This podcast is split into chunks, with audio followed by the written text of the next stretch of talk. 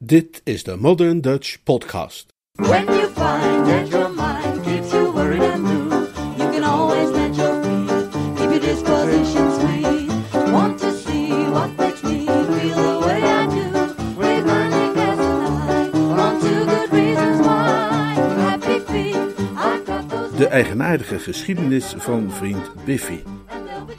Een verhaal uit de bundel Carry On Jeeves van P.G. Woodhouse, vertaald en voorgelezen door Leonard feet.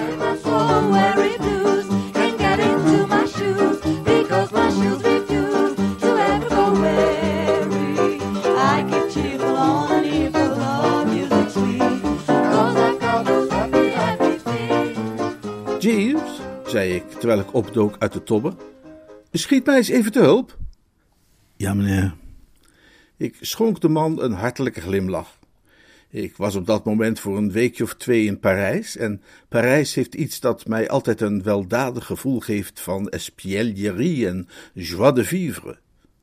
Leg alsjeblieft een semi-chic tenue voor me klaar dat geschikt is voor festiviteiten onder Bohémien, zei ik. Ik ga lunchen met een kunstenaarstype aan de overkant van de rivier. Uitstekend, meneer. En als er iemand naar me vraagt, Jeeves, zeg dan maar dat ik terug ben wanneer de avond zachtjes valt. Ja, meneer. Eh, Mr. Biffen heeft voor u opgebeld terwijl u in bad zat. Mr. Biffen? Goeie hemel! Het is verbazingwekkend dat je in buitenlandse steden altijd zoveel kerels tegen het lijf loopt. Ik bedoel, lui die je in geen eeuwigheid hebt gezien en waarvan je zou durven zweren dat ze beslist niet in de buurt waren. Parijs was wel de laatste plek waar ik verwacht zou hebben dat vriend Biffy zou opduiken. Er is een tijd geweest dat hij en ik voortdurend samen de stad onveilig maakten en praktisch elke dag samen lunchten en dineerden. Maar zo'n anderhalf jaar terug was zijn oude peetante gestorven en had hem haar landgoed nagelaten in Herefordshire. Daar had hij zich teruggetrokken om met van die rubberen laarzen aan koeien in de ribben te gaan porren en de jeugdige landheer en grootgrondbezitter te spelen. Sindsdien had ik hem nauwelijks meer gezien. Vriend Biffy in Parijs, wat doet die nu hier? Daarover heeft hij mij niet in vertrouwen genomen, meneer, zei Jeeves een tikje koeltjes, kreeg ik de indruk. Het klonk op de een of andere manier alsof hij Biffy niet mocht, terwijl ze in het verleden toch altijd soepeltjes met elkaar waren omgegaan. Eh, waar logeert hij? In Hotel Avenida in de Rue du Colisée, meneer. Hij zei mij dat hij uit wandelen ging en dan vanmiddag bij u langs zou komen. Nou, als hij komt eh, terwijl ik weg ben, vraag dan of hij wil wachten. Maar Jeeves, reik me nu dan mes gants, eh, mon chapeau et le wangi de monsieur. Ik moet er vandoor. Het was prachtig weer en ik had ruimschoots de tijd, dus in de buurt van de Sorbonne liet ik mijn taxi stilhouden en stapte ik uit om de rest van de weg te gaan lopen. En nauwelijks had ik drieënhalve stap gedaan, of daar stond vriend Biffy voor me op het trottoir, in hoogst eigen persoon. Als ik mijn laatste stap had afgemaakt, was ik tegen hem opgelopen. Biffy! riep ik uit. Nou, nou, nou, nou, nou, nou. Hij staarde me met knipperende ogen aan, zo ongeveer als een van zijn Herefordshire koeien die onverwacht in de ribben wordt geport tijdens haar lunchhapje. "B- Bertie, gorgelde hij tenslotte op devote toon, godzijdank. Hij greep me bij de arm. Laat me niet alleen, Bertie, ik ben verdwaald. Hoe bedoel je verdwaald? Ik ging een eindje wandelen en toen ontdekte ik opeens, na een kilometer of drie, dat ik bij God niet meer wist waar ik was. Ik heb urenlang in kringetjes rondgelopen. Maar waarom heb je dan aan niemand de weg gevraagd? Ik spreek geen woord Frans. Nou ja, dan, dan kon je toch een taxi roepen? Ik ontdekte opeens dat ik al mijn geld in het hotel had laten liggen. Dan had je nog altijd een taxi kunnen nemen en die betalen als je bij het hotel aankwam. Ja, maar ik kwam er plotseling achter dat ik de naam van het hotel verdorie was vergeten. En daar heeft u dan in een notendop Charles Edward Biffen. Het meest vage en wolhoofdige type dat ooit een boterham heeft gegeten. God weet, en mijn tante Agatha zal het graag onderschrijven, dat ik zelf ook geen meesterbrein ben, maar vergeleken met Biffy ben ik een van de grote denkers aller tijden. Ik zou er een shilling voor geven, zei Biffy Sip, om te weten hoe dat hotel heette. Nou, die mag je mij dan schuldig blijven. Hotel Avenida aan de Rue du Colisée. Bertie, maar dat is gewoon griezelig. Hoe kun jij dat nu eens helemaal staan weten? Dat is het adres dat jij Jeeves vanmorgen hebt opgegeven. Dat is waar ook, dat was ik vergeten. Nou, kom mee even iets drinken, dan zet ik je daarna in een taxi op weg naar je hotel. Ik heb een lunchafspraak, maar het is nog vroeg genoeg. We dwaalden in de richting van de elf cafés die zich langs die straat verdrongen en ik bestelde twee hartversterkingjes. Wat doe jij in hemelsnaam in Parijs? vroeg ik. Bertie, beste kerel, zei Biffy plechtig, ik ben hierheen gekomen om te proberen te vergeten. Nou, dat is je dan tot nog toe goed gelukt. Nee, je begrijpt het niet. Het feit is, Bertie, beste kerel, dat mijn hart is gebroken. Ik zal je het hele verhaal vertellen. Nou, nou, hé, oh, wacht even, protesteerde ik, maar hij was al begonnen. Vorig jaar ben ik even naar Canada geweest om daar op zalm te vissen. Ik bestelde nog een glas, want als dit een visverhaal werd, kon ik wel wat alcoholische ondersteuning gebruiken. En op de boot naar New York heb ik toen een, meisje ontmoet. Biffy maakte een eigenaardig slokkend geluid, zo ongeveer als een buldog die haastig een half koteletje probeert door te slikken om klaar te staan voor de andere helft. Bertie, beste kerel, ik weet niet hoe ik haar zou moeten beschrijven. Ik kan je haar gewoonweg niet beschrijven. Dat was natuurlijk alleen maar goed. Ze was schitterend. Ze was geweldig. Elke avond na het diner wandelden we samen over het dek. Ze was aan het toneel, althans min of meer. Hoe bedoel je, min of meer? Nou ja, ze had model gezeten voor kunstenaars en ze was mannequin geweest bij een grote kledingwinkel, weet je wel. Hoe dan ook, ze had een paar pond weten te sparen en was nu op weg om te zien of ze een baantje kon vinden in New York. Ze heeft me alles over zichzelf verteld. Haar vader had een melkwijk in Clapham, of, of, of misschien was het in Cricklewood. Nou ja, in elk geval was het een melkwijk, of, of, een schoenenwinkel. Ja, die gooi je gemakkelijk door elkaar natuurlijk. Nou, wat ik probeer duidelijk te maken, zei Biffy, is dat ze uit, uit een degelijk respectabel middenklassegezin kwam. Er was niks opzichtigs of goedkoops aan haar. Het soort van vrouw waar elke man trots op zou kunnen zijn. Ah, wiens vrouw was zij dan? Niemands vrouw. Dat is juist waarom ik je dit allemaal vertel. Ik wilde dat ze mijn vrouw zou worden, maar ik ben haar kwijtgeraakt. Jullie hebben ruzie gekregen, bedoel je? Nee, ik bedoel helemaal niet dat we ruzie hebben gekregen. Ik bedoel dat ik haar letterlijk ben kwijtgeraakt. Voor het laatst heb ik haar gezien in het douanekantoor in New York. We stonden achter een stapel hutkoffers en ik had haar net gevraagd of ze met me wilde trouwen en zij had net ja gezegd en alles was helemaal perfect toen er opeens een afschuwelijk botte figuur aankwam met een uniformpet op die begon te zeuren over wat sigaretten die hij onder in mijn koffer had gevonden en die ik vergeten had aan te geven. Het was inmiddels al behoorlijk laat, want we hadden pas om half elf aangelegd. Dus ik had tegen Mabel gezegd dat ze maar vast naar haar hotel moest gaan en dat ik dan de volgende dag wel naar haar toe zou komen om met haar te gaan lunchen. Maar sindsdien heb ik haar niet meer gezien. Je bedoelt dat ze niet in dat hotel was? Nou, waarschijnlijk wel, maar je bedoelt toch zeker niet dat je zelf niet bent komen opdagen? Bert, u beste kerel, zei Biffy op gepijnigde toon. Probeer me in hemelsnaam toch niet de hele tijd te zeggen wat ik wel of niet bedoel. Laat het me in mijn eigen woorden vertellen, hè? want anders raak ik helemaal in de war en moet ik van voren af aan beginnen. Oké, vertel het me alsjeblieft in je eigen woorden, zei ik snel. Nou, om het dan even heel kort samen te vatten, Bertie. Ik was de naam van haar hotel vergeten. Hm? Tegen de tijd dat ik een half uur lang moeizaam van alles had uitgelegd over die sigaret, waren mijn hersens helemaal leeg. Ik dacht dat ik de naam van dat hotel ergens had opgeschreven, maar kennelijk toch niet, want hij stond op geen enkel stukje papier dat ik in mijn zak had. Nee, ik zocht te vergeefs. Ik was haar kwijt. Ja, maar heb je dan niet verder naar haar geïnformeerd? Tja, Bertie, weet je wat het is? Ik was haar naam vergeten. Oh, nee, nee, toch, hè? Zei ik, dat, dat leek me toch echt te gek, zelfs voor Biffy. Hoe kon je nu haar naam vergeten? Bovendien heb je die net nog tegen mij gezegd, uh, Muriel of zoiets. Mabel, corrigeerde Biffy mij koeltjes. Nee, het was haar achternaam die ik ben vergeten. Ten slotte heb ik het opgegeven en ben naar Canada gegaan. Ja, maar wacht nou eventjes, zei ik. Jij moet haar jouw naam gegeven hebben. Ik bedoel, jij kon haar dan wel niet achterhalen, maar zij jou toch wel? Precies. En dat is wat het allemaal zo afschuwelijk hopeloos maakt. Ze weet hoe ik heet en waar ik woon en alles, maar ik heb niet het geringste woord van haar gehoord. Ik neem aan dat toen ik niet kwam opdagen in haar hotel, zij moet hebben aangenomen dat ik op mijn manier subtiel wilde aangeven dat ik van gedachten veranderd was en er eenvoudig een streep onder wilde zetten. Ja, ja, dat zal wel, zei ik. Een andere veronderstelling leek ook eigenlijk niet mogelijk. Tja, het, het enige wat je nu kunt doen is je ferm omdraaien en proberen de wond te helen. Wat zeg je van als wij vanavond samen zouden gaan eten en daarna naar de AB gingen, of, of zo'n soort tent? Biffy schudde zijn hoofd. Zou niet helpen. Ik heb het geprobeerd. Bovendien vertrek ik met de trein van vier uur. Ik, ik heb morgen een dinerafspraak met iemand die voorzichtig aan het snuffelen is aan dat huis van mij in, in Herefordshire. Oh, probeer je dat te verkopen? Ik dacht dat je daarna je zin had. Ja, dat, dat had ik ook. Maar na wat er gebeurd is, staat de gedachte me tegen, Bertie, om daar in mijn eentje te blijven wonen, in die grote kast van een huis. Dus toen Sir Roderick Glossop interesse toonde... Sir Roderick Glossop? Je bedoelt toch niet die gekke dokter? Uh, de bekende zenuwspecialist, ja. Hoezo, ken jij hem dan? Het was een warme dag, maar ik huiverde. Nou, ik uh, ben een week of twee met zijn dochter verloofd geweest, zei ik met schorre keel. De, de herinnering aan die nauwe ontsnapping gaf me altijd een misselijk gevoel. Heeft hij een dochter dan? vroeg Biffy afwezig. Nou en of. Laat me je alles vertellen over. Nou, nu even niet, beste kerel, zei Biffy en stond op. Ik moet terug naar mijn hotel om mijn uh, koffers te pakken. Wat mij, nadat ik zijn hele geschiedenis beluisterd had, niet erg sportief leek.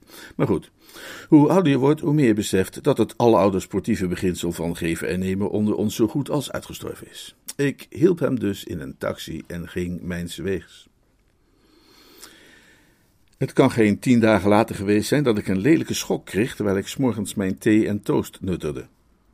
De Engelse kranten waren aangekomen en Jeeves zweefde juist de kamer weer uit na de Times op mijn nachtkastje te hebben gedeponeerd, toen ik, door de krant bladerend op zoek naar het sportnieuws, recht in het oog getroffen werd door een berichtje dat er met een klap uitsprong. Er stond: aangekondigde huwelijken Mr. C. E. Biffen en Miss Glossop. Het aanstaand huwelijk is bekendgemaakt tussen Charles Edward, enige zoon van wijlen Mr. E.C. Biffen en Mrs. Biffen, Penslow Square 11, Mayfair, en Honoria Jane Louise, enige dochter van Sir Roderick en Lady Glossop, Harley Street 6b. Grote genade, riep ik uit. Nee, zei Jeeves en keerde zich bij de deur om. Jeeves, herinner jij je Miss Glossop nog? Bijzonder levendig, meneer. Ze is verloofd met Mr. Biffen. Werkelijk, meneer. En zonder één woord gleed hij de kamer uit. De kalmte van de naarling verbaasde en choqueerde me. Die leek aan te duiden dat hij een gruwelijke, harteloze trek moest bezitten. Ik bedoel, hij wist toch maar al te goed wie Honoria Glossop was. Ik las het berichtje nog een keer. Het gaf me een eigenaardig gevoel. Ik weet niet of u ooit de ervaring hebt gehad en weet hoe het voelt de verloving te zien aangekondigd van een vriend met een meisje aan een huwelijk waarmee u zelf net dan oude nood hebt weten te ontsnappen. Dat wekt bij een mens een soort nou ja, dat is heel lastig te omschrijven, maar ik kan me voorstellen dat het net zoiets is als wanneer iemand niets vermoedend door het oerwoud loopt, samen met een vriend die hij vanaf zijn kinderjaren kent, en dan komt er opeens een tijger of een jaguar aan of iets dergelijks, en die persoon ziet kans om snel in een boom te klimmen, maar als hij naar beneden kijkt, ziet hij hoe die vriend van zijn jeugd het struikgewas wordt ingesleurd tussen de kwijlende kaken van dat beest. Een diep en devoot gevoel van opluchting geeft dat, gemengd, als u begrijpt wat ik bedoel, met een felle steek van medelijden. Huh? Waar ik heen wil, is dat bij alle dankbaarheid die ik voelde om zelf Honoria niet te hoeven trouwen, het mij pijn deed een brave kerel als vriend Biffy de klos te zien worden. Ik nam een stevige slok thee en begon de kwestie te overdenken. Natuurlijk zijn er ook wel kerels op de wereld, taaie, geharde figuren met een sterke kin en staalglanzende ogen, die zich met die glossopram zouden kunnen verloven en het nog leuk vinden ook. Maar ik wist heel zeker dat Biffy er daar niet één van was. Honoria, moet u weten, is namelijk zo'n meisje van het robuuste, dynamische type, met de spieren van een weltergewicht en een lach als een eskadron cavalerie dat stormloopt over een plaatijzeren brug. Iets afschuwelijks om tegenaan te moeten kijken over de ontbijttafel. En intelligent ook nog. Het soort meisje dat je eerst tot pulp reduceert in 16 sets tennis en een paar rondjes golf. En dan voor het diner zo fris als een hoentje naar beneden komt en verwacht dat je een intellectuele belangstelling toont voor Freud. Als ik nog een week langer met haar verloofd was geweest, zou haar vader een extra patiënt op zijn lijstje hebben kunnen zetten. En Biffy is eigenlijk net zo'n rustige, vredelievende, onschuldige jongen als ik. Ik was gechoqueerd, zeg maar. echt gechoqueerd. En zoals ik zeg, wat mij nog de grootste schok bezorgde was Jeeves' gruwelijke gebrek aan gepast medeleven. Toevallig kwam mij op dit punt van mijn overwegingen juist de kamer weer binnenglijden en ik gaf hem een laatste kans om wat menselijk gevoel te tonen. Uh, je hebt de naam toch wel goed verstaan, Jeeves? vroeg ik. Het is Mr. Biffen die gaat trouwen met Honoria Glossop, de dochter van die oude heer met het hoofd als een groot ei en, en, en die wenkbrauwen. Ja, meneer. Welk pak wenst u dat ik vanmorgen voor u klaarleg? En dat, let wel, van de man die toen ik met La Glossop verloofd was, elke grijze cel inspande om mij te verlossen. Ik kon er niet bij. Ik snapte er niets van. Nou, eh, het blauwe met dat rode friemeltje, zei ik koeltjes. Mijn houding was veelbetekenend en het was mijn bedoeling hem te tonen dat hij mij grotelijks had teleurgesteld. Zowat een week later ging ik terug naar Londen en nauwelijks had ik het me weer een beetje gezellig gemaakt in mijn vertrouwde appartement of Piffy kwam aanbellen. Een blik op hem was genoeg om vast te stellen dat de giftige wond was gaan zweren. De man zag er niet best uit, dat was onmiskenbaar. Helemaal niet best. Hij had dezelfde onthutste, glazige uitdrukking op zijn gezicht die ik in de scheerspiegel ook bij mezelf had gezien tijdens mijn eigen korte verloving met de Glossop-plaag. Als je niet wilt gaan behoren tot de lieve moet je evenwel normaal blijven doen en beleefd blijven, dus ik schudde hem zo hartelijk mogelijk de hand. Kijk eens aan, kijk eens aan, zei ik. Gefeliciteerd, beste kerel. Dank je wel, zei Biffy bleekjes, en er viel een nogal zware stilte. Bertie, zei Biffy nadat die stilte zo'n drie minuten had geduurd. Hallo, is het uh, echt waar? Wat? Oh, niks, zei Biffy en de conversatie kwijnde weer weg. Na anderhalve minuut kwam er weer wat leven in. Bertie? Ja, ik ben er nog, kerel, wat is het? Zeg eens op, Bertie, is het echt waar dat jij ooit verloofd bent geweest met Honoria? Inderdaad. Biffy kuchte. hoe, uh, hoe ben je daar weer vanaf ge... Ik bedoel, welke tragedie heeft uiteindelijk jullie huwelijk verhinderd? Daar heeft Jeeves voor gezorgd. Hij heeft het hele plan daarvoor bedacht. Oh, ik, uh, ik denk, zei Biffy peinzend, dat ik voor ik vertrek nog even naar de keuken loop om een praatje te maken met Jeeves. Ik voelde dat de situatie vroeg om algehele openheid. Zeg, Biffy, beste knul, even als mannen onder elkaar, wil jij er soms onderuit? Bertie, ouwe makker, even als vrienden zo gezegd, nou en of. Waarom ben je dan alle deksels ooit aan begonnen? Ik weet het niet. Waarom jij destijds? Uh, nou ja, dat, dat gebeurde gewoon. Ja, bij mij is het ook zomaar gebeurd. Je weet hoe het gaat als je hart is gebroken. Er komt een soort lethargie over je, hè? Uh, een soort doffe onverschilligheid. Je let niet meer goed op en je vergeet de juiste veiligheidsmaatregelen te treffen. En voordat je het weet, ben je dan de sigaar. Ik weet gewoon echt niet hoe het gebeurd is, maar het is niet anders. En wat ik graag van jou zou willen weten is: wat is nu de juiste procedure? Je bedoelt, hoe draait een kerel zich daar weer uit? Precies. Ik wil niemands gevoelens kwetsen, Bertie, maar ik, ik kan hier echt niet meer verder gaan. Dat zit er bij mij eenvoudig niet in. Ik heb nog anderhalve dag gedacht dat het misschien wel goed kon komen, maar. Herinner jij je die lach van haar? Ja, zeker. Nou ja, dat is één ding, hè? En dan dat ze je geen seconde alleen kan laten. De hele tijd je culturele achtergrond willen verbeteren enzovoorts. Ik weet het, ik weet het. Ja, ja, tuurlijk. Wat beveel je me aan, hè? Wat bedoelde je toen je zei dat Jeeves een heel plan had bedacht?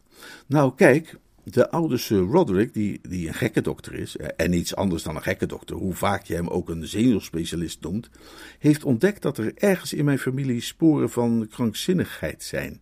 Uh, uh, niets ernstigs.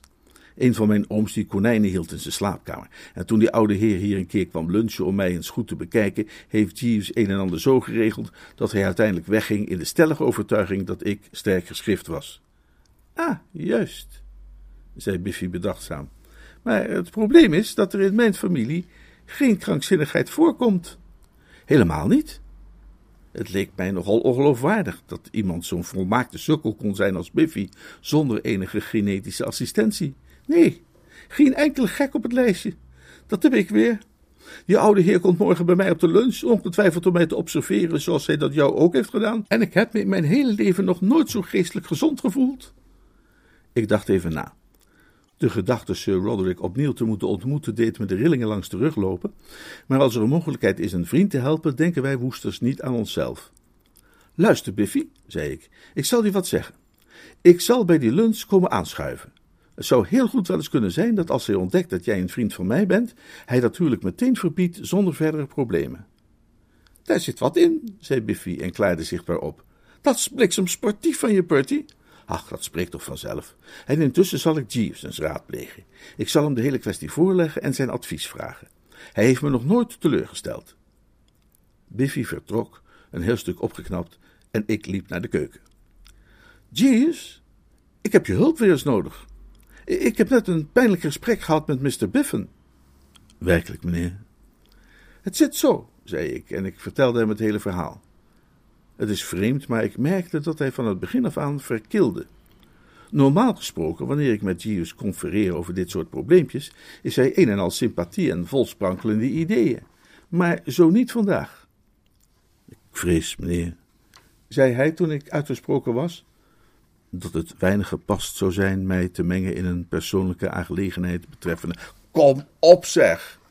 Nee, werkelijk, meneer. Een dergelijke vrijheid zou ik mij niet durven veroorloven. Jeeves, zei ik hem ronduit, wat heb jij tegen vriend Biffy? Ik, meneer? Ja, jij. Maar ik verzeker u, meneer. Nou goed, als jij niet wilt bijdragen aan de redding van een medemens, dan kan ik je daar niet toe dwingen. Maar laat me je dit zeggen. Ik ga nu terug naar de woonkamer en daar ga ik enig serieus denkwerk verrichten. En jij zult straks lelijk voor aap staan als ik je dan vervolgens kom vertellen dat ik Mr. Biffen uit de puree heb weten te sleuren zonder enige assistentie van jou. Heel lelijk voor aap. Ja, meneer. Zal ik u een whisky en soda brengen, meneer? Nee, koffie. Zwart en sterk. En als er iemand mij wil spreken, zeg hem dan maar dat ik bezig ben en niet kan worden gestoord. Een uur later schelde ik. Jeeves, zei ik met de nodige hauteur. Ja, meneer. Wees zo vriendelijk Mr. Biffen op te bellen. Breng hem de complimenten over van Mr. Woester en zeg dat hij de oplossing heeft gevonden. Ik was niet weinig tevreden met mijzelf toen ik de volgende ochtend naar Biffy's huis kuierde. Gewoonlijk hebben de slimme ideetjes die je s'avonds krijgt de neiging er niet zo ontzettend florisant meer uit te zien als je ze de volgende ochtend bij daglicht nog eens nader bekijkt, maar dit idee zag er bij het ontbijt nog net zo fris en fruitig uit als voor het diner. Ik bestudeerde het zorgvuldig van alle kanten, maar ik zag niet hoe het mis zou kunnen gaan. Een paar dagen daarvoor had Harold, het zoontje van mijn tante Emily, zijn zesde verjaardag gevierd en met de gedachte in het achterhoofd dat ik een presentje voor hem nodig had, was in een winkel aan het Strand mijn oog gevallen op een grappig dingetje dat naar mijn idee heel geschikt was om het kind te vermaken en geliefd te doen zijn bij iedereen om hem heen. Het was een tuiltje bloemen dat op ingenieuze wijze met een soort rubberen bol was verbonden, waarmee je als je daarin kneep driekwart liter zuiver bronwater in het gezicht kon spuiten van iemand die stom genoeg was om eraan te ruiken.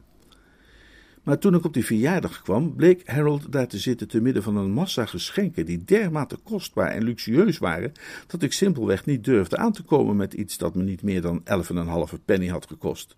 Dus met zeldzame tegenwoordigheid van geest, want wij woesters kunnen ons bij gelegenheid sneller denkers tonen, pulkte ik het kaartje van mijn oom James los van een speelgoedvliegtuig en maakte er dat van mezelf aan vast, stak de sproeier in mijn zak en nam die mee terug naar huis. Het ding had sindsdien in een laag gelegen, maar het leek me dat nu de tijd gekomen was om het tot actie te mobiliseren. En? vroeg Biffy ongerust toen ik zijn woonkamer kwam binnengehuppeld. De arme knul zag behoorlijk wit rond de neus. Ik herkende de symptomen. Ik had me net zo gevoeld die keer dat ik zelf had staan wachten tot Sir Roderick kwam opdagen voor de lunch. Hoe mensen die toch al iets mankeren aan hun zenuwen het op kunnen brengen om gesprekken met die man te gaan voeren, gaat mij boven de pet. En toch heeft hij de grootste praktijk in Londen. En gaat nauwelijks een dag voorbij dat hij niet op iemands hoofd hoeft te gaan zitten en zijn assistent moet bellen om het dwangbuis te brengen. Zijn kijk op het leven is door de voortdurende confrontatie met figuren die met molentjes lopen dermate verbitterd dat ik ervan overtuigd was dat Biffy alleen maar in die rubberen bal hoefde te knijpen, waarna de natuur de rest wel zou doen. Ik klopte hem dus op de schouder en zei: Het komt in orde hoor, beste kerel. Wat, wat heeft Jeeves aangeraden? vroeg Biffy nieuwsgierig. Jeeves heeft helemaal niets aangeraden. Maar jij zei dat het wel in orde kwam. Jeeves is niet de enige denker in huizen Woester, mijn jongen. Ik heb mij jouw probleempje persoonlijk ter harte genomen en ik kan je zeggen dat ik de situatie inmiddels geheel in de hand heb. Jij? zei Biffy. Zijn toon was verre van vleiend. Er klonk een gebrek aan vertrouwen uit in mijn kwaliteiten. Mijn standpunt was dat een onsje demonstratie meer waard was dan een ton aan uitleg, en ik hield hem het tuiltje bloemen onder de neus. Hou jij van bloemen, Biffy? vroeg ik. Hè? Dan moet je eens aan deze ruiken. Biffy stak met een vermoeide blik zijn gok in het boeketje en ik kneep geheel volgens de bijgevoerd gebruiksaanwijzing in de bol. Het is altijd fijn om waar voor je geld te krijgen. Het ding had me elf en een halve penny gekost, maar zou voor het dubbele van die prijs nog goedkoop geweest zijn. Volgens de beschrijving op het doosje zou het effect ervan onbeschrijfelijk komisch zijn, en ik kan betuigen dat zulks niet overdreven was. Die arme Biffy sprong een meter de lucht in en gooide een tafeltje om. Alsjeblieft, zei ik. De arme knul bleef een korte tijd sprakeloos, maar vond toch al snel weer woorden en begon zijn mening op verhitte toon weer te geven. Nou, rustig maar, ventje, zei ik, toen hij even pauzeerde om adem te halen. Dit was niet zomaar een grapje om de tijd te vullen, dit was een demonstratie. Pak aan dat ding, Biffy, vul de bol of bal opnieuw met water, hou het onder de neus van Sir Roderick, knijp stevig en laat de rest aan hem over. Ik garandeer je dat in ergens onder de drie seconden het idee bij hem zal hebben postgevat dat hij geen behoefte heeft aan jou in de familie. Biffy staarde me aan. Suggereer jij nu dat ik Sir Roderick moet nat spuiten? Absoluut. Kleddernat. Natter dan jij ooit iemand gesproken hebt. Maar, maar.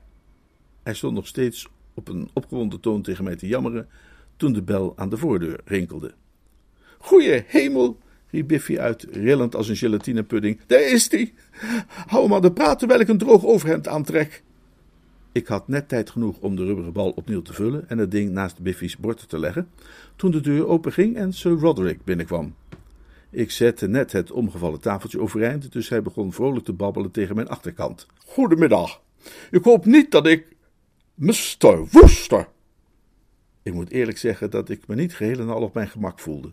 Die man heeft iets waardoor ook het dapperst hart door vrees getroffen wordt.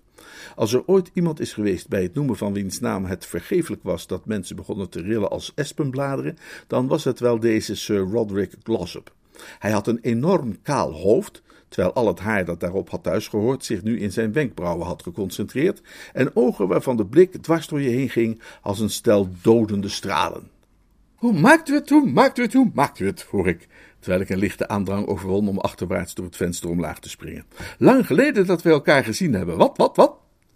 Ik herinner mij u desondanks haar scherp, Mr. Woester. Mooi, mooi, zei ik. Vriend Biffy heeft me gevraagd om samen met u beiden een vorkje te komen prikken. Hij zwiepte met zijn wenkbrauwen tegen me. Bent u een vriend van Charles Biffen? Oh ja, nou, wij zijn vrienden sinds jaar en dag. Hij haalde scherp adem en ik kon zien dat Biffy's koers een flink aantal punten gedaald was. Zijn oog viel op de spulletjes die op de vloer terechtgekomen waren toen dat tafeltje was omgevallen. Heeft u een ongelukje gehad? Niets ernstigs, legde ik uit. Vriend Biffy had zojuist een soort uh, stuip of aanval en gooide een tafeltje om. Een stuip? Of aanval. Heeft hij vaker last van zulke stuipen? Ik wilde daar net antwoord op geven toen Biffy haastig binnenkwam. Hij was vergeten zijn haar te kammen, wat hem wat verwilderde aanblik bood. En ik zag hoe de oude heer een scherp onderzoekende blik op hem wierp. Het leek me dat wat je zou kunnen noemen het voorbereidende graafwerk bijzonder bevredigend was gedaan en dat het succes van de rubberen bal of bol nu stellig onbetwijfelbaar was. Biffy's bediende kwam binnen met de haverzak en we gingen aan tafel.